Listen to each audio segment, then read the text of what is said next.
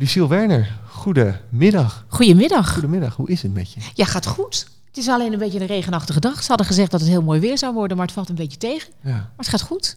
Wat me opviel toen ik eh, tegen mensen vertelde dat jij eh, eh, in de podcast zou komen, dat iedereen gelijk grappen gaat maken. Is dat zo? Iedereen gelijk. Het, het was zelfs. Ja, dan doe ik iets goed. Ja, nee, Toch? maar, maar het, het, is, het, is, het is iets wat me opviel. Dus iedereen gelijk, we, we zien wel hoe het loopt, op het verkeerde been zetten. Word je daar nou niet doodmoe van? Nee, heel eerlijk gezegd niet. Nee? Nee, ja, ik vind. eh, weet je, humor is ontzettend belangrijk om, eh, om toegankelijk te zijn, maar ook om dingen toegankelijk te maken. Dus ehm, ik ben eigenlijk wel altijd wel een voorstander van, van humor. Ja, het moet niet iedere dag ehm, moet ik niet geconfronteerd worden met dezelfde grap, want dan is, eh, gaat de lol er wel op een gegeven moment vanaf. Maar nee, dit, dit kan ik hebben. Ik kwam hem zelfs op Tinder tegen. Iemand had hem in de profiel staan. Oh, echt? Ja. Het leven kan raar lopen. Ja, Nou, het is ook een hele goeie. Kijk, ik heb ooit een keer gedacht. Ik ga er een soort. ehm, je, je kent natuurlijk wel van die gedenktegeltjes, hè, met dat blauwe en dat wit. ja, ja. Ehm, en ik heb zelf een keer de grap gemaakt eh, om, ehm, om zo'n gedenktegeltje te maken. Hè. Het leven kan raar lopen, net als Lucille. En dat ik de, die dan voor 9,95 ook nog persoonlijk bij de mensen thuis zou komen afleveren. ja, en, en ja, ik, ik vind dat dat ook wel moet kunnen, dat dat mag. En, en ja, dat dat goed is. Maar als iemand het iedere dag naar me zou roepen, dan zou ik hem een keer een, een klap voor zijn kop geven en zeggen: Ja, nee, verzin eens wat nieuws.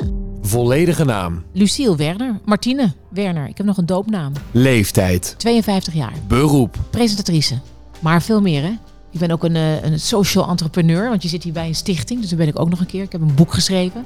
Dus ik ben wel een beetje van alles, maar ik ben wel presentator. Ja, als hoofdzaak. Bekend van. Ehm, ik denk dat dat dan, ja, lingo, maar bekend van spelletjes. Want Get the Picture was er ook wel eentje. En, en ook weer van misverkiezingen en, en, en de minister van Gehandicaptenzaken. Verliefd. Verloofd. Of getrouwd. Getrouwd? Deze opmerking zal me altijd bijblijven. Nou, het leven kan raar lopen. Wat was de allereerste keer dat jij bewust in aanraking kwam met presenteren? Toen werkte ik bij Joop van de Ende Producties. Dat was toen nog helemaal geen Endemol. En ik, eh, ik deed ehm Call TV. En eh, ik stond dus ehm, naast een fruitautomaat. En dan konden mensen inbellen. Ehm, en toen moesten de mensen raden een dier op de boerderij. En het begint met de letter F. En toen belden er talloze mensen in met het antwoord varken.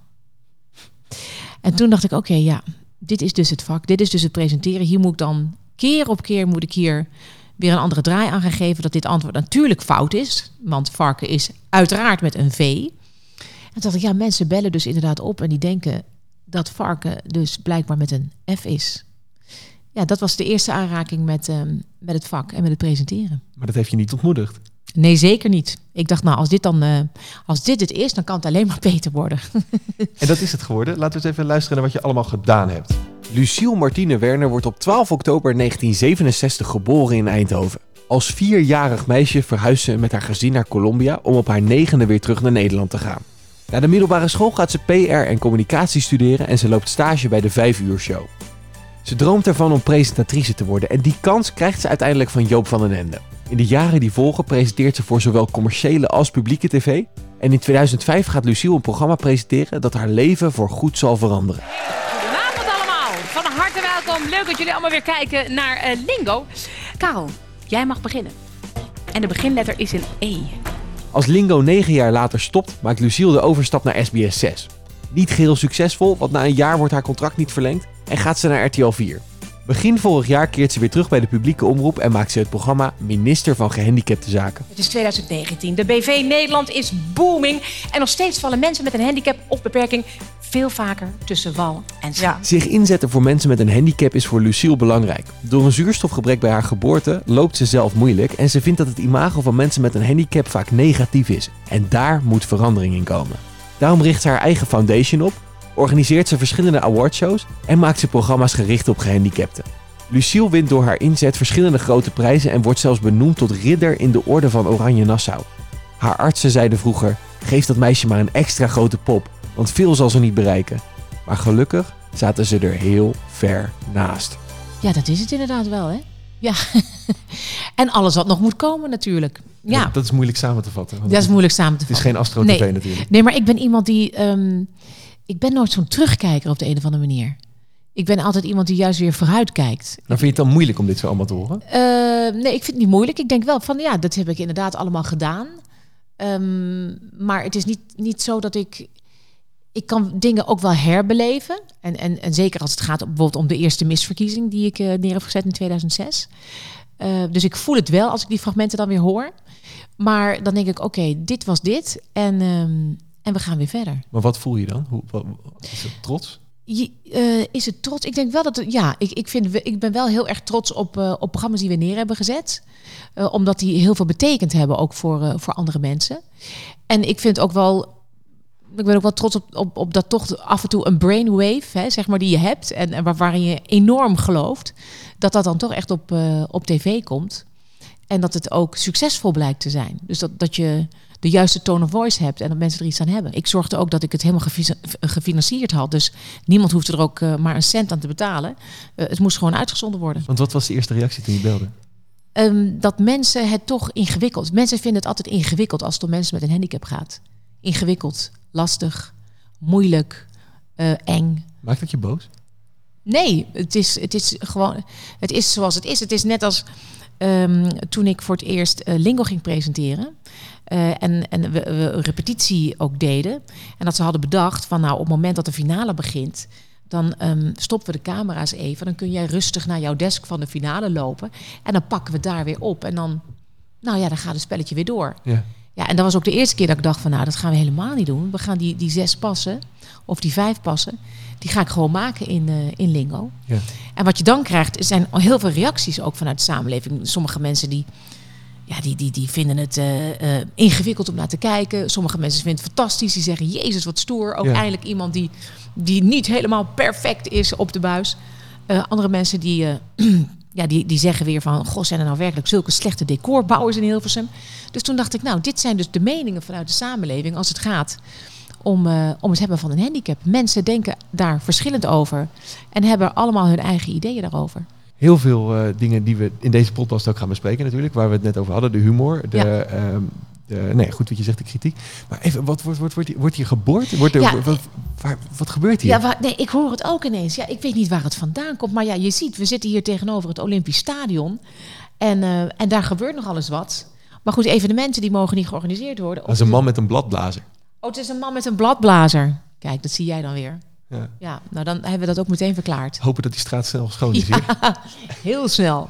Wat ehm, ehm, als, als klein meisje wilde jij de tweede Madonna worden? Ja, ik was, ik was echt iemand die... Um, ik, ik wilde juist niet tussen de lijntjes tekenen. Ik wilde altijd alles, ook als kind al doen, buiten de lijntjes. Dus altijd een soort van grens opzoeken. Zo van, oké, als ik nou dit doe, wat gebeurt er dan? Als ik een glas laat vallen, wie wordt er dan boos? Dus ik was eigenlijk wel een beetje zo'n kind. Die, uh, die, die toch een klein beetje aan het, uh, aan het uitdagen was altijd. En, um, en al heel snel dacht ik, oké, um, mijn zusjes en zo, die studeerden allemaal, die gingen allemaal naar de universiteit. En ik dacht, nee, dat wil ik helemaal niet. Ik wil gewoon gaan zingen. En ik, dus ik, ja, ik, ik kon best wel een klein beetje zingen. Dus ik had ook altijd een pen in mijn handen in mijn, in mijn slaapkamer thuis. En dan ging Madonna, die ging dan op. En dan, dan zong ik alle liedjes mee, van, uh, van Like a Virgin tot uh, Borderline en, en, en uh, Holiday en weet ik het allemaal. Alleen die danspasjes, ja, dat was natuurlijk weer een ander verhaal. Um, en, en daarom heb ik uiteindelijk ook die die droom bijgeschaafd. En ben ik gaan doen wat ik nu doe. Die realisatie van ja, die danspasjes die, die gaan me niet lukken. Ja, dat is dan toch iets dat je denkt van ja, dat, dat wordt wel erg ingewikkeld. En, en als je dan een zangeres bent en je staat eigenlijk als een soort van totempaal, sta je stil op, de, op dat podium. Is dat dan het beeld wat, wat de mensen zouden um, moeten hebben? Uh, tegelijkertijd heb ik ook nog wel even gedacht van ja, nou ja, dan ben ik toch zeker de eerste. uh, maar dat heb ik dan toch uh, losgelaten. Als heel klein meisje, was het Madonna het enige wat je wilde worden? Ja, ik had, ja. Ik, ik wilde wel iets extreems, iets anders, iets. En misschien ook wel een klein beetje um, iets wat mensen niet van je verwachten, omdat, uh, ja, weet je, dat meisje met een handicap, ja, dat moest vooral heel, daar moest vooral heel goed voor gezorgd worden. Hè? Ja, daar had ik helemaal geen zin in. Ik dacht echt, nou, niet, liever niet zelfs. Maar word je daar ook rebelser van, juist? Ik denk dat ik dat uh, vroeger daardoor wel was. Ja. En hoe uitte zich dat? Uh, door ook een, nou, door op school ook wel ingewikkeld te zijn, of, of in ieder geval uh, uh, veel te experimenteren. ehm, studeren niet echt als een hoofdzaak te zien, maar meer het integreren en het sociale aspect meer voorop te zetten. Maar is dat ook niet veel belangrijker dan een studie eigenlijk? Eh, ja, dat denk ik wel. Maar bij ons in, in het gezin was het nou eenmaal zo dat mijn zus, die, die, die wilde arts worden. Dus die ging geneeskunde studeren. Mijn jongere zusje weer, die ging naar de universiteit. Eh, weet je, iedereen die, die ging echt voor die opleiding. En ik ging juist meer voor, voor, voor de ervaring vanuit het leven. Weet je wel, zo van, laat mij maar... Ik wilde eigenlijk een blaadje zijn wat, wat meebewoog met de wind. En wat vonden je ouders ervan? Nou, die vonden dat heel vervelend. Omdat ze juist dachten, Lucille die, die moet een, goede opleiding, want juist zij gaat het moeilijk krijgen om, met het vinden van een baan. En eh, ik heb nog een jaar schroevers voor ze gedaan, omdat mijn vader dacht, nou weet je, kijk, als ze dan in ieder geval al een, een, een diploma heeft om een, om een secretaresse te zijn, dan, dan kan ze altijd overal aan de bak. Nou, dat heb ik ook echt speciaal voor mijn ouders gedaan. Maar, hè, maar ik, heb het ook, ik ben ook secretaresse geweest en dat was ook een hartstikke mooi vak. Maar dat deed ik een paar maanden, had ik weer geld en dan ging ik weer, uh, ging ik weer de hoort op. Komen ze nou hier? Ja, ze komen. Oh ja, hier. Gewoon letterlijk voor de. We hebben wel een mooie dag uitgekozen. Ja, een hele goede. Ja, ze zijn hier echt lekker bezig, joh. Ja, ja. Wanneer kom je op het punt als mediamaker dat je naar buiten kan rennen en zeggen: hey, ja, op! Nee, nooit. nooit nee, hè? nee, nooit. Dat doe je toch niet. Nee, nee, dat doe je niet. Nee, het is toch een stukje beleefdheid. Ja, ja dat je echt denkt van uh, laat ze maar lekker. Ze moeten ook werken. Als klein meisje kwam je er op een gegeven moment achter van: hé, hey, ik ben wel anders dan de rest. Ja. Uh, nou, ik, ik kan wel een aantal voorbeelden geven. Ik weet, wij, wij verhuisden natuurlijk al vrij snel naar, um, naar Zuid-Amerika. Waar we uh, op, mijn, op mijn vierde. En um, daar zat ik op een grote internationale school. En we hadden daar een hele grote uh, speeltuin. En er stond een immens groot poppenhuis waar wij als kinderen altijd allemaal in speelden. Ja, en iedereen was dan um, een keertje koninginnetje of prinsesje. En allemaal van die prachtig mooie jurkjes. En je kent het allemaal wel. En ja, maar ja, voor mij was er niet echt een rol weggelegd, maar wel het hondje. Want ja, dat lopen vonden ze ook maar raar en ingewikkeld. Dus ik moest maar het hondje zijn. Nou, dan was ik het hondje dan van de koningin. Dus ik kroop ook echt over die vloer in, het, uh, in dat poppenhuis. Maar kon geweldig goed pootjes geven. Was ontzettend lief en leuk hondje. Nou, dus die andere meiden die wilden ook wel een keertje hondje zijn. Maar dat ging toen niet meer door. Dat, dat konden ze dan ook niet meer van me afnemen. Want ik had me die rol zo eigen gemaakt. Dat, um, uh, dat, ik, dat ik het ook niet meer afgaf. En als zij dan kwamen met nu willen wij. En ik kon dat koninginnetje en prinsesje niet zijn. Dan ging het al helemaal niet meer door. Dus ik, ik denk dat ik toen wel besefte van... oké, okay, ze willen me dus niet als koningin of als prinses... Um, omdat ik dan dus blijkbaar, uh, omdat de koningin niet anders zou kunnen lopen. En wat heb je daarmee gedaan toen? Heb je het aan je ouders gevraagd? Of, of klopt het dat ik, dat ik anders ben? Of, of, of is het iets wat in jezelf? Nee, hoe hoe ik, gaat zoiets? Nee, ik ben nooit iemand geweest die, uh, die er eigenlijk over geklaagd heeft. Het enige wat ik wel altijd heb gehad is dat ik heb gemist dat ik nooit op hele hoge hakken kon lopen. Zoals die hakken die je daar hier in de, voor het raam ziet staan, zijn stiletto hakken van 15 centimeter. Maar voor de rest um, um, weet je gewoon inderdaad, je bent anders, er wordt naar je gekeken. Um, je wordt nagekeken, er wordt over je gepraat, gefluisterd, gewezen. Maar dat komt dus door de mening van anderen dat je erachter komt. Dan. Ja, maar het, het, het, is ook niet mijn. Kijk, ik, ik, dat heb ik ook altijd met het woord beperking. Nou, dat is meest afschuwelijke woord wat we, wat we hebben kunnen bedenken voor mensen met een handicap. Kijk, ik gebruik handicap. Dat vind ik nog iets. Dat heeft nog iets vrolijks, iets handicap. Weet je dat? Ja, je weet eigenlijk, niemand weet eigenlijk precies wat het is, handicap. Maar beperking, denk ik, joh, ik heb echt alles behalve een beperking. Ik heb wel een beperking als er geen leuning is en ik moet een trap af. Dan heb ik inderdaad even een beperking. Denk, oké, okay, hoe kom ik eraf? Maar mensen met een beperking, mijn hemel zeg, hé. Je wordt gewoon in een hoek geplaatst eigenlijk. Nou ja, terwijl uh, ze zeggen dat dat nu het woord is, hè? mensen met een beperking. En dan denk ik, nou, dan heb je eigenlijk, ik heb nu, nu ik hier gezellig met jou zit en met jou praat, heb ik geen enkele vorm van beperking. Nee. En, en dan denk ik, nou, ik heb wel een handicap. Handicap, er zit nog een i in, dat maakt, ik weet het niet. Het, het heeft iets vrolijks, vind Ja. Vind je niet? Nee, ja, zeker. Vind je zeker. handicap niet beter dan beperking?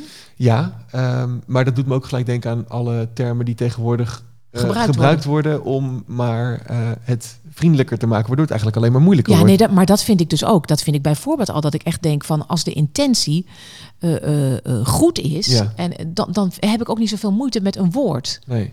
Weet je, ik vind ook eh, op het moment dat we hier af en toe eens een brief binnenkrijgen van... Goh, ik, ik, Lucille hoorde ik laatst zeggen handicap, maar het is beperking. denk ik, jongens, hou eens even op. Iedereen weet toch wat ik bedoel? Ja, Weet je, en, en, ehm, en als er goede bedoelingen zijn... dan vind ik ook dat we niet al te moeilijk moeten doen. Want Nee. je, wordt, je, je, je begint in een, in een soort... Ja, in een kramp terecht te komen. En, en dan durf je het al helemaal niet meer bespreekbaar te maken. Is zelfs, ja. als je ermee te maken hebt. Zelfs dus, als je ja. ermee te maken hebt, ja. Nee, want dat was jaren geleden. Een woord wat me altijd bijgebleven is, is Nederlander met een migratieachtergrond. Oh ja, ook zo ingewikkeld. Ja. Kijk, maar ik vind wel Ja. dat we, dat we ehm, rekening moeten houden met gevoelens van anderen. Ja. Maar dat hoeft niet per se, eh, dat, dat, dat hoeft niet bij een woord te beginnen. Begrijp je wat ik bedoel? Niet helemaal. Nou, op het moment dat, dat je eh, iets wil duiden, ehm, dan vind ik dat je daarin v- vrijuit moet kunnen spreken. Op het moment dat, je, dat jouw intentie is om, om, om te willen luisteren en te willen horen naar datgene wat er speelt bij een ander. Ja. En op het moment dat je al begint te denken van, oh, ik wil eigenlijk dit onderwerp wil ik eigenlijk aanhalen, maar hoe moet ik dat nou eigenlijk benoemen als het ware? Ja. Weet je, dat is eigenlijk het eerste wat in je opkomt van, oké, het is nu zwart en wit. Ja. Eh, eh, en, en blank en gekleurd of donker, dat, dat, dat, dat is uit den boze. Hè? Dat, Ja. dat, dat mag allemaal niet Nee, meer. nee, nee. Terwijl het echt niet bij iedereen al ingeburgerd is. nee. Hoe je iemand duidt. En dat is denk ik ook wel lastig momenteel, is, eh, tenminste, zo ervaar ik hem, van het, het is goed of fout. Eh, als je de verkeerde term gebruikt, dan ben je slecht. Eh, Eigenlijk is het in mijn hoofd al meer ja, maar jij ding. maakt het alweer groter voor Ja. jezelf. Terwijl, terwijl ik altijd pleit voor de vrijheid van onhandigheid. Ik vind dat mensen best wel een beetje onhandig mogen zijn. Omdat ze niet weten hoe ze, daar, hoe ze dat moeten benoemen of hoe ze daarmee om moeten gaan. Mhm. Dus ik pleit voor die vrijheid. Dus het is niet erg als je even het niet is weet. helemaal niet erg. Nee, Helemaal niet erg als je het even niet weet. nee. En dan mag je daar best wel even onhandig in zijn of over zijn. Van, ehm, eh, ik, eh, hoe, hoe, of vragen van hoe, hoe noem jij het? Of ja. wat is het? Of, ja. of Wat is niet. het meest onhandige wat je ooit hebt meegemaakt? Ik, ik denk, ik kan me niet iets herinneren wat zo direct dan op mij gericht was. Maar ik geef natuurlijk best wel veel lezingen in het land. En ik, ik, ik kom natuurlijk eh, ehm, eh, ja, vaak op plekken waar, eh, waar veel mensen met een handicap zijn. Omdat ik hen iets wil vertellen. Of, of waar werkgevers zijn ook. Hè, om werkgevers eh, te motiveren om, eh, om met mensen met een handicap aan het werk te gaan. Dus ik ben nogal eens ergens. En wat je wel regelmatig meemaakt is dat iemand zonder handicap dan bijvoorbeeld een groep mensen toespreekt die een handicap hebben en die bijvoorbeeld allemaal lekker willen werken. En dat iemand dan begint, ja jongens, ik weet even niet hoe ik het nou de gehandicapten eh, of en dan schrikt diegene en en die gaat dan weer door en die heb je ze weer. Eh, ja, weet je, en, en dat iemand staat dan helemaal in die spotlights iets te vertellen en, en die komt er dan niet uit. En, en die herstelt zich iedere keer ongemakkelijker en vervelender. En het wordt. En dan gaan ze ineens dingen verzinnen. Mensen met een vlekje, of nog eens een keer een vlekje, of nog. Of de, eh, nou, eh, dat vind ik altijd wel van die embarrassing momenten. En dat is niet meer, zeg maar, de vrijheid van onhandigheid. Dat, dat, dat, is, dat is niet stevig. Dat is dus angst. En dat is dan een. Dan, ja, dan krijg ik zelf ook een beetje kromme tenen, maar misschien wel meer voor degene die het verhaal moet doen dan, dan, eh, ja, dan voor de groep of voor mezelf. Je ging studeren en op een gegeven moment ging je stage lopen bij de Vijf Uur Show. Ja. Ehm, jij kwam daar binnen en je denkt op een gegeven moment, ik wil daar ook wel zitten. Voor die microfoon of voor de camera. Eh, nee, eigenlijk was het andersom. Ehm, ik had een screentest gedaan voor het programma Music Scene. Dat ken je niet. Nee. Nee, hè? En, ehm, en ik werd het net niet. Het productiebedrijf ehm, die die screentest had uitgeschreven, die zei wel... je bent een bijzonder meisje. Maar probeer nou eens te beginnen achter de schermen, dacht ik weer. Daar gaan we weer. Ik moet weer beginnen achter de schermen. Het zal ook nooit zo zijn dat ik van de straat wordt afgeplukt. Ik moet weer achter de schermen beginnen. Maar toen dacht ik, nou weet je, misschien heeft hij ook wel gelijk. En, ehm, eh, en moet ik gewoon maar eens kijken ook wat het vak is. En het is ook wel goed om alle disciplines te kennen van het vak. Dus ehm, eh, via via eh, regelde ik dus een stage bij de vijf uur show. En uiteindelijk heb ik daar gewoon een jaar gewerkt. Ehm, en toen kwam ik dus inderdaad in aanraking met, met dat middagprogramma, wat natuurlijk knetterpopulair was. eh, gepresenteerd door Viola en, eh en Catherine. En ik deed daar de medische rubriek. En ik zat naast eh, de, de redac- redacteur die ook het bloemetje, ken je dat nog? Het bloemetje van de vijf uur show ook regelde. En toen dacht ik, wat een leuk vak is dit. Ik vond het eigenlijk achter de schermen ook al heel erg leuk. Om dingen te regelen, om gasten uit te nodigen. Om, het was een heel, heel dynamisch programma om voor te werken. Maar de ambitie was het niet. De ambitie was om voor de scherm te gaan werken. En dat stak ik ook helemaal niet onder stoel of banken. Iedereen wist dat eigenlijk al vanaf dag één dat ik binnenkwam. Van ja, uiteindelijk wil ik het zelf gaan doen. Dus ik ben daar ook nooit ehm, verlegen in geweest of terughoudend in geweest. Maar dat komt ook omdat ik zo ook niet ben. Ik heb niet zo een dubbele agenda. Het is echt wel een klein beetje, dit ben ik. Ja. En dit vind ik van dingen of, of, of eh, dit wil ik heel graag. En hier ga ik voor. En misschien lukt het me niet, misschien lukt het me wel. Maar ehm, dit is wel mijn droom. En toen mocht je op een gegeven moment die presentatie gaan doen. Ja. Hoe, hoe, hoe was dat? Je, je werd gebeld en Joop van Nou- zei die, dit is goed. Ja, het was een beetje heel raar. Want het, het eerste was dus inderdaad Call TV. En eh, dat ik mijn zus ook belde en zei... Nou, eh, Joey, dat is een beetje de bijnaam. Ik noem, ik noem haar altijd Joey. Ik zeg, Joey, ik, ehm, eh, over een paar uurtjes ben ik op tv. Op tv? Hoezo dan? Ik zeg, ja, ik, eh, ik ga een programma doen. Moet maar even kijken. Bel mama maar, zeg maar dat ze de tv aan moet zetten. En mijn moeder dacht dat het een grapje was, joh. Die dacht echt, dit is helemaal niet echt. Dit is, dit is weer zo'n zo'n dingetje. Zo'n typisch Lucille dingetje, weet je wel. Die, die heeft weer iets voor, voor zichzelf geritseld of geregeld of gedaan. Omdat ik het ook eigenlijk tegen niemand zei. Want ik kreeg in het begin veel te veel tegenwerpingen. Ook van mensen die zeiden, joh, met een handicap, dat wordt toch allemaal niks. Wie zit er nou op je te wachten? En toen dacht ik, weet je jongens, ik ga het helemaal niemand vertellen. Ik ga het gewoon doen. En ik, eh, ik zie wel waar, eh, waar het schip strandt. En ineens was het daar. En toen was die uitzending geweest. En toen belde je moeder op, gok ik. Ja, die belde op en zei, wat zit je nou voor spelletje te doen? Ik zeg, ja, mensen kunnen bellen, mam. Je kan de volgende keer kun je ook een keertje bellen. Kun je mooie prijzen winnen. Nou, dat deed ze natuurlijk uiteraard niet. Maar toch het allereerste programma waarvan ik echt dacht van... oké, nu eh, eh, ben ik eh, ehm, eh, lekker bezig. Bij RTL, ehm, eh, RTL Actueel Shownieuws. Ja, dat was live. Dat was in een blok. Daar begon Peter R. de Vries begon met misdaad. Toen hadden we eh Misdaad Show. Dat, dat Marion Keller en ik. Marion van Frissel Sizzle. Ja, dat was wel de eerste live-uitzending dat je dacht van... oké, joe, nou, dit, dit, dit, dit wordt serieus. En, eh, en nu gaat het lampje branden en we gaan nu live. Dus nu zitten er allemaal mensen te kijken. Was je daar bang voor? Speelde dat in je hoofd op dat Nou, ik had, het, ik had altijd dat ik dacht van... eh, oké, wacht even, we gaan bijna live, we gaan bijna live. Oh, ik moet eigenlijk nog even water drinken. Oh, dan moet ik er nog doorslikken. Je werd je ineens die, die paar laatste seconden heel erg bewust van de dingen die je deed. Of dat je dacht, oh nee, ik heb jeuk in mijn neus. Ik heb jeuk in mijn neus. Ik heb gewoon jeuk in mijn neus. Ik moet gewoon nu krabben ik, aan mijn neus. Maar dat kan niet, want ik ga live. Oh jee, nou, nou ik voel iets. Meteen die klemmen in mijn schoenen. Weet je, dat had ik wel. Het leek wel of ik mezelf daar af en toe eens mee zat te pesten. Maar dat, dat heb ik wel eh, een tijdje gehad. En hoe kan je daar het beste mee omgaan? Want dit is iets wat ook veel jonge carrièremakers hebben natuurlijk. Nou ja, dan denk je, nou laat het maar gebeuren dan. Dan ga maar even clearen. En liefst, ja, dus toch het toelaten dat dat gebeurt. Ik denk altijd met alles dat je dat, dat het toelaten van dingen ervoor zorgt dat je het ook zo snel mogelijk weer kwijt bent.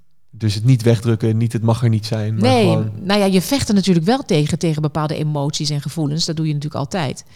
Maar ja, hoe harder je vecht, hoe vervelender het wordt natuurlijk, voordat je eruit bent. ja. En toen kwamen de reacties ook van eh, toen je je eerste show had gehad. Hoe waren ze? Ja, die waren eigenlijk wel heel erg leuk. Die waren ehm, wel heel erg positief. Ik weet ook nog wel dat de Elsevier op een gegeven moment vroeg... eh, of een reportage had gemaakt over veelbelovende eh, jonge nieuwe gezichten. En daar stond ik, daar stond ik bij. Dat, dat vond ik wel heel stoer en dat vond ik wel heel erg leuk. Is Ja. het ook een constante drang om te bewijzen dat je niet het sulletje bent wat sommige mensen van je willen maken? Ehm, nee, want ik denk niet dat mensen van mij een sulletje willen maken. Bedoel je daarmee de handicap of zo? Of, nou, of dat- dit, dit, dit kwam er misschien lelijk uit dan dat ik het bedoelde. Maar meer als in, zeg maar, omdat je... ehm, geen hoge verwachtingen hadden. Nee, precies. Ze hadden geen hoge verwachtingen. Er Nee. werd gezegd, het, het lukt niet. Zeg maar, dan word je toch altijd wel een beetje lager neergezet dan dat je bent. Nee, ja, maar ik, eh, eh, mensen zeiden nooit zo dieren. Ja, kijk, ze hebben wel tegen mij gezegd dat zeg maar, dat entertainmentvak, dat vonden ze, eh, dat vonden ze, vonden mijn ouders best wel lastig, omdat het ook ehm, eh, vluchtig of, of ja, hoe lang hou je dat dan vol? Is dat wel echt een vak? Ehm, eh, en, en, en inderdaad, die handicap speelde daar zeker wel een rol. Hè, dat ze dachten van, oh, nou, niet zij, weet je wel. Want wat dan als dat niet lukt? Of Ja. ze mag daarin niet mislukken. En je, je gooit jezelf zo voor de leeuwen en je gaat daarop afgerekend worden. En dat ik daarom ook het niet meer ging vertellen, zeg maar. En mijn zus ook belde van, joh, ik, over een uurtje ben ik op de buis. Bel jij maar even naar mama, want weet je dat, dat wel. Maar nee, het, het was niet een, een, eh, een lange neus eh, als een soort van, kijk eens even wat ik allemaal niet kan bereiken. Het was wel echt iets wat ik van binnen voelde om te willen zijn. Aan het begin van je carrière ehm, overleed je vader. Eh, ja, Hoe, hoe is zoiets? Als je op zo'n jonge leeftijd toch je vader verliest. Ja, dat is natuurlijk vreselijk. Dat is natuurlijk eh, ehm, gewoon afschuwelijk. Ja, dat is een gebeurtenis die je, die je natuurlijk nooit meer vergeet. En, en wat, wat eigenlijk nog iedere dag ehm, bij je is. En, maar ik, ik heb mijn vader ook gewoon ook nog echt bij me, weet je. Hij, natuurlijk, hij is overleden, hij, hij is dood. Ik ken hem eigenlijk al, al langer niet dan dat ik hem wel ken. Op een gegeven moment is het ook heel raar, dat je denkt van... Ik was 21, dus op mijn 42e dacht ik... Oké, dit nu kan, ken ik hem ehm 21 jaar wel en 21 jaar niet. Nou, weet je, nu is het alweer 31 jaar. Hè? Dus, dus die verhouding, die, die, ja, je gaat, maar toch is het nog altijd je vader. Want hij was eh 21 mei is hij gestorven. Nou, dat is niet zo heel lang geleden. Eh, dus in die week ga je ook naar het graf. Want 31 mei is hij dan weer jarig. En dan ga je er weer heen en zeg je, hey pa. En nou, en dan eh, kan ik ook echt lekker bij dat graf gaan zitten. Bloemetjes die mijn moeder had geplant, die geef je dan nog eens een keertje extra water. Ja, en dat, ja, dat, ja, het is, kijk, hij heeft zelf gekozen voor, voor de dood. Dus dat is natuurlijk iets wat afschuwelijk is. Tegelijkertijd denk ik ook van, ja, weet je, er zijn nou eenmaal situaties waarin ehm, eh, de geest het leven niet meer kan dragen.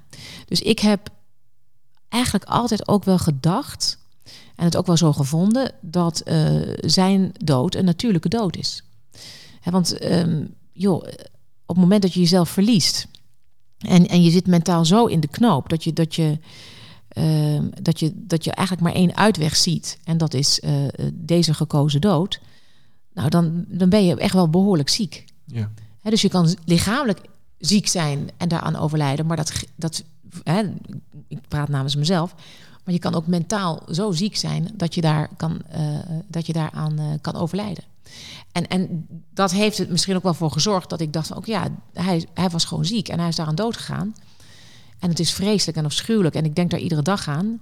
Maar ik denk niet iedere dag aan de dood. Ik Nee. denk iedere dag aan mijn vader, degene waar ik, ehm, ja, ik was, ja, daar, daar had ik alles voor over en hij, eh, en, en hij voor mij. En hoe, hoe zie je hem dan, als je eraan denkt? Ja, heel blij. Ik zie hem echt heel blij ook voor me. Ehm, hij was best wel grappig en een geestige man. En een, een, een knappe, grote eh, man met, met hele, soms hele grappige, flauwe grapjes. Ik zie het nooit somber. Maar ook, ook zeg maar dat hele traject voorafgaande aan zijn dood heb ik nooit als somber gezien. Omdat je niet weet dat dit uiteindelijk uitmondt tot de dood. Ja, Snap je? Dus ik, en, en ik, ik, ik ben natuurlijk ook wel iemand die eh, eh, ja, alles van een zonnige kant ziet. Dat zit ook gewoon in mijn aard. Zo, zo ben ik ook. Ehm, en ik weet als geen ander dat de dag van morgen een, een hele andere dag is dan vandaag. Dat heeft ook echt heel erg te maken met deze tijd. Dat mensen zeggen, wie had dat nou ooit gedacht? Dat wij met oud en nieuw eh, vuurwerk aan het afsteken waren. eh, met champagne proosten op een gelukkig 2020. En dat je vier maanden later allemaal thuis zit. Dat er geen vliegtuig meer vliegt. Dat, er, dat mensen hun banen verliezen. Dat er geen werk meer is. Dat, dat er meer eenzaamheid is. Dat we. Nou, dat, dat had toch helemaal nooit iemand gedacht. nee. Ja, en ik, ik denk toch dat, een, dat, dat, dat ervaringen in het leven, zoals je eigen handicap, het overlijden van je vader, en zo zijn er heus nog meer dingen, die maken je ergens ook heel flexibel. Dat je je weer als een chameleon weer er een, aan, aan een bepaalde situatie een draai geeft. Maar hoe zorg je dat je positief blijft in zo'n situatie dan? Want dat zijn wel heftige dingen. Door als eerste gewoon te denken van dit is heel ontzettend afschuwelijk verdrietig. Ehm, maar ik, ik, wat, moet, wat moet ik nu? Ik kan niet eeuwig blijven huilen. Ehm, eeuwig blijven lachen is ook onzin. Maar ehm, ik, moet, eh, ik, ik, ik heb eigenlijk maar één keuze en dat is toch doorgaan. Ja. Beetje net als in die studio, als je Ja. jeuk aan je neus had. Ja, zeg maar. doorgaan. Ja, Nee, maar dat zit natuurlijk ook wel een beetje. Ik ga ook eigenlijk altijd wel door. ja. Weet je, ik, ik ben natuurlijk heel erg eh, vol, volhardend. En, en, eh, en mensen zeggen ook altijd, oh, Lucille is zo'n doorzetter. Dat vind ik dan ergens ook een beetje, dat ik denk, ik wil geen doorzetter zijn. Maar ik ben het misschien ook wel. Waarom wil je geen doorzetter ja, dat zijn? weet ik niet. Ik vind doorzetter vind ik altijd pff, vind ik een vervelend woord. Weer zo'n eh, zo'n naampje wat je krijgt. Zo'n naampje, zo'n doorzetter. Is zo'n doorzetter. Altijd Ja. een zonnetje. Zo'n doorzetter. Nou, ik had laatst bijvoorbeeld een vrouw en die zei tegen mij... Oh, Lucille, het is inderdaad verschrikkelijk. Ik zei, wat, eh, wat bedoelt u? Ja, nee, ja. Ja, Heb je echt altijd zo gelopen? Ja. Ja, echt altijd. Vanaf de geboorte. Oh, vreselijk. Ik zeg, nou, dat valt wel mee hoor. Zo, zo vreselijk. Zo vreselijk is dat niet. En, eh, oh, het- het- nou, ik, ik, ik, zou- ik zou er niet mee om kunnen gaan. Ik zou, nou, weet je, en dan, dan denk je, ja, word je eigenlijk een probleem aangepraat. toen dacht ik, ja, godvrede. Toen dacht ik, toen- en dan, toen liep ik terug naar mijn auto. Toen zag ik mezelf. Je hebt het wel eens, hè, dat je jezelf ziet hè, in, in, de, in de weerspiegeling van een auto of van een etalageraam. Dus ik ging ik werd even weer geconfronteerd met mezelf en die weerspiegeling van de auto. Toen dacht ik, hmm, is het nou heel erg vreselijk? Of ik zit namelijk nou ook naar die weerspiegeling van die auto te kijken. Of is het nou inderdaad chockerend? Wat is het nou? Toen liep ik weer een stukje terug. Dacht ik, ga het nog een keer doen. En toen dacht ik, oh, dan ga ik proberen echt zo netjes mogelijk te lopen. Kan ik het eigenlijk wel? Dacht ik, nee, ik kan het. In, nou ja. En, toen had, en dan heb ik wel weer lol met mezelf. Dan moet ik eigenlijk om die situatie ook best wel weer ontzettend lachen. Ja, en dat is dan denk ik ook wel dat ik daarmee geboren ben. Dat is ook wel de aard van het beestje. Ja. Dat ik ontzettend met mezelf ehm, om de meest eh, eh, ongemakkelijke momenten, dat ik uiteindelijk in de auto zit en ik heb het overleefd dat moment, dat ik dan toch denk, ja, grappig eigenlijk ook wel weer. Ja. There, done that. Ja, Nog even terug naar je vader, want je zei, eh, je, je vraagt hem ook vaak, je hebt hem altijd bij je eigenlijk. ja, Als je iets spannends moet Ja. gaan doen, dan communiceer je altijd op de een of ja andere manier even zeker. Ja, Hoe, is dat alsof je bidt naar God of hoe moet je dat zien? Nee, dat is meer zo van. eh, nee, meer, meer, meer, meer die, die, die allergrootste, liefste vriend. Die, die je kent en die je hebt. En die, eh, en die niet weg is als je zegt: Pap, alsjeblieft, hè, laat, me niet, laat me niet zakken. Weet je dat meer? Ik zie mijn vader dan echt van: Pap, kom op, help me even. Alsof hij er zou zijn. Ja, Van, eh, van ik, ik struikel dadelijk toch niet over die snoeren heen. Of ik, ik, ik, kom toch nog wel uit mijn woorden. Of ik, het gaat toch wel goed. Dit plannetje in mijn hoofd, het klopt toch allemaal wel. Meer eh, de communicatie die ik dan met hem zou hebben als hij er nog wel zou zijn. ja, ja, precies. Hoe doe jij met kritiek? Kijk, kritiek is natuurlijk nooit leuk. En kritiek dat, dat, dat raakt. En dat, ehm, maar ja, weet je, je, je weet ook dat, weet je, niet iedereen vindt me leuk. En er zijn mensen die me, die, me, die me helemaal niks vinden. Er zijn mensen die me heel leuk vinden. Er zijn mensen die er allemaal tussenin zitten. Ehm, ik, ik denk dat je, dat je daar, en zeker mm, hè, met social media, je moet je daar ook wel een klein beetje voor afsluiten. Je moet niet aan eh, ehm, niet te veel jezelf daarmee pijnigen op de een of andere manier. En eh, ik vind ook mensen mogen best kritiek hebben. Maar soms is kritiek natuurlijk hebben natuurlijk ook heel makkelijk. En zeker voor. Kijk, als ik iets doe of ik, ik wil iets neerzetten of ik doe iets, dan doe ik dat echt met de allerbeste intenties. En dan heb ik daar ongelooflijk veel energie en moeite ook in gestoken. En dan doe ik dat echt omdat ik wil dat, dat ehm, nou, de wereld anders kijkt naar iets, of Nederland anders kijkt naar iets, of, of wil ik gewoon mijn ideeën daarin. eh, en, maar dat zijn dan ook mijn ideeën. Dus daar mag je Ja. ook best wel kritiek op hebben. Of daar mag je je mening over geven. Dat vind ik misschien wel beter dan kritiek. Daar mag je je mening over geven. En weet je nog even de eerste kritieken die je kreeg in Medialand? Eh, het snelle praten. Maar dat, is, dat, dat, krijg ik dat krijg ik er ook niet uit. Ja, ik praat snel. Maar toen ik begon, was dat meer een dingetje, denk ik, dan nu. Want als je Matthijs van Nieuwkerk hoort praten, die gaat ook als een trein. Kijk, nu ga ik automatisch wat langzamer praten. Hoor je dat? Ja, ja, ja. Omdat je er bewust van bent. Omdat ik er bewust van Ja. ben. Maar ik denk ook dat het snelle praten ook een compensatie is. Voor. Langzaam lopen, snel praten. Dat denk ik, ik, dat denk ik ook. Hoe kun je het beste dealen met kritiek? Als je dat krijgt aan het begin van je carrière. Ja, eh, ja, ik denk dat je er toch op een gegeven moment eh, dat je er eh, sowieso aan moet wennen dat, eh, dat, het, dat het er is. En dat ook iedereen het krijgt. Weet je, je bent echt niet de enige die kritiek krijgt. Iedereen krijgt kritiek in de dingen die hij doet. Dat is nou eenmaal zo op het moment dat je. Ehm, dat je zichtbaar bent en zeker op het moment dat je een bepaalde mening hebt of, of dat, je, dat je dingen doet die de samenleving raken, ja, dan, dan, dan ga je gewoon kritiek krijgen. Dat, dat, dat weet je gewoon. Maar Ja. om nou te denken, ja, dan doe ik het dus maar niet. Ik bedoel, je weet ook wat het, wat het je gebracht heeft. Het heeft je een, prijzenkast volgebracht. Het heeft ontzettend veel gedaan voor, voor zo ongelooflijk veel mensen. Dus ja, Maar als je aan het begin van je carrière staat, is dat ja natuurlijk dat is anders. anders. Ja, dan denk ik, ja, dan denk ik toch ook dat je heel echt een absoluut cliché, maar beseffen dat het er toch bij hoort. Ja. En, en, en, ehm, en misschien ook een klein beetje ontwijken in het begin.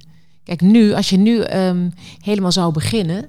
En je zou vanavond je eerste uitzending hebben. En het heeft ook nog een, eh, een soort van eh, eh, Twitter-hashtag. ja, dan zou, ik ze, dan zou ik het niet meteen bekijken. Nee. Dat, ik denk dat, dat je je daar een weekje voor moet beschermen. Dan is het een beetje, en, en dan maar eens een keertje een beetje moet gaan neuzen. We hadden het er straks over humor ook aan het begin Ja. helemaal. Ehm, want als er iemand is die om de grappen lacht, dan ben je het zelf. Vaak, toch? Ja, ik vind ze niet erg. Nee. Ja, ik, nee, ik, Nee. ik heb daar. Nee. En er komt veel lof inderdaad voor je positieve houding, voor je eh, manier hoe je met humor eh, omgaat. En voor het, het bieratten. Dat is ook een ding. Als je jou Ik- zoekt, kom je... Nog nooit iemand heeft mij verslagen. Hè? Nee, omdat je de competitie ook niet aangaat. Ja, zeker wel. Wel? Tuurlijk wel. Zeker wel. Ik heb het nog wel eens een paar keertjes gedaan. Maar eh, ja, het, het- maar weet je, er is helemaal, iedereen denkt altijd van dat er is een trucje voor. Het is helemaal geen trucje. Het is gewoon puur enthousiasme en ik moet gewoon winnen. Dus ja, ik kan niet verliezen. Dus als je zorgt dat je wint, dan verlies je niet. Dat is bijna Cruyffiaans. Ja, bij de Cruyffiaans, ja. Je staat dus redelijk positief wel in het Ja. nieuws. Hoe belangrijk is humor en zelfspot? Ja, ik denk dat dat ontzettend belangrijk is, omdat humor verzacht alles. Weet je, gewoon ehm, iedere. ehm, ik denk dat dat ook belangrijk is om, om, om af en toe eens eventjes wat lucht te hebben ook. Ja. Weet je, ik, en, en zeker eh, ehm, in, in, in een leven, ik bedoel, lachen, dat weten we allemaal. Dat is hartstikke, ik bedoel, lachen is gezond. Dat, dat is toch eigenlijk ook al een hele een, een uitdrukking. Dus ik ga er ook wel vanuit dat dat zo, eh, zo is. Dus ik, ja, humor is, is, en zelfspot is eigenlijk altijd ook wel een onderdeel van mijn leven geweest. Maar is dat ook iets wat meer mensen zouden moeten hebben op dit moment? Ik denk wel dat we over het algemeen best wel wat meer mogen lachen. Ja.